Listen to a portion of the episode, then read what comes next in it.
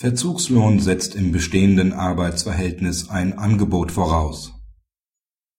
Im ungekündigten Arbeitsverhältnis muss der Arbeitnehmer seine Arbeitsleistung anbieten, um den Arbeitgeber in Annahmeverzug zu setzen. Das Angebot des Arbeitnehmers ist in aller Regel nicht entbehrlich.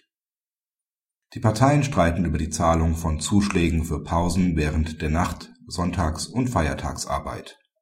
Der anzuwendende Tarifvertrag sieht eine Arbeitszeit von acht Stunden täglich ohne Ruhepausen vor, für Nachtarbeit und Arbeit an Sonn und Feiertagen gewährt er Lohnzuschläge. Nach ebenfalls anwendbaren Betriebsvereinbarungen beträgt die Arbeitszeit acht Stunden täglich, allerdings schließt dies zweimal 15 Minuten bezahlte Pausen ein. Der Arbeitnehmer leistet im Schichtdienst 40 Stunden pro Woche, einschließlich 2,5 Stunden bezahlter Pausen er verlangt Lohnzuschläge für die Pausenzeiten von insgesamt 40 Nacht Sonn und Feiertagsschichten aus dem Jahr 2007. Der Arbeitnehmer unterliegt vor dem Arbeitsgericht und dem LAG. Seine Revision wird vom BAG als unbegründet zurückgewiesen. Der Zahlungsanspruch ergibt sich nicht aus dem Tarifvertrag. Die Zuschläge werden nur für Arbeit während der zuschlagsfähigen Zeiten gewährt. Pausen sind keine Arbeit in diesem Sinne der Anspruch auf die Zuschläge folgt auch nicht aus den Betriebsvereinbarungen. Diese räumen dem Arbeitnehmer innerhalb der täglichen Arbeitszeit zwar zweimal 15 Minuten bezahlte Pausen ein, sie treffen aber keine Aussage dazu, wie und in welcher Höhe die Pausenzeiten zu vergüten sind. Zahlt der Arbeitgeber lediglich die Grundvergütung, ist auch dies eine bezahlte Pause.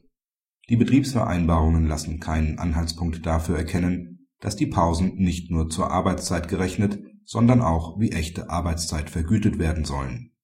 Auch unter dem Gesichtspunkt des Annahmeverzugs ergibt sich der Anspruch nicht.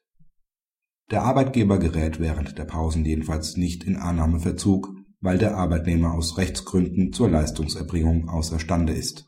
Während einer 8-Stunden-Schicht sind dem Arbeitnehmer mindestens 30 Minuten Ruhepausen zu gewähren (§ 4 Arbeitszeitgesetz).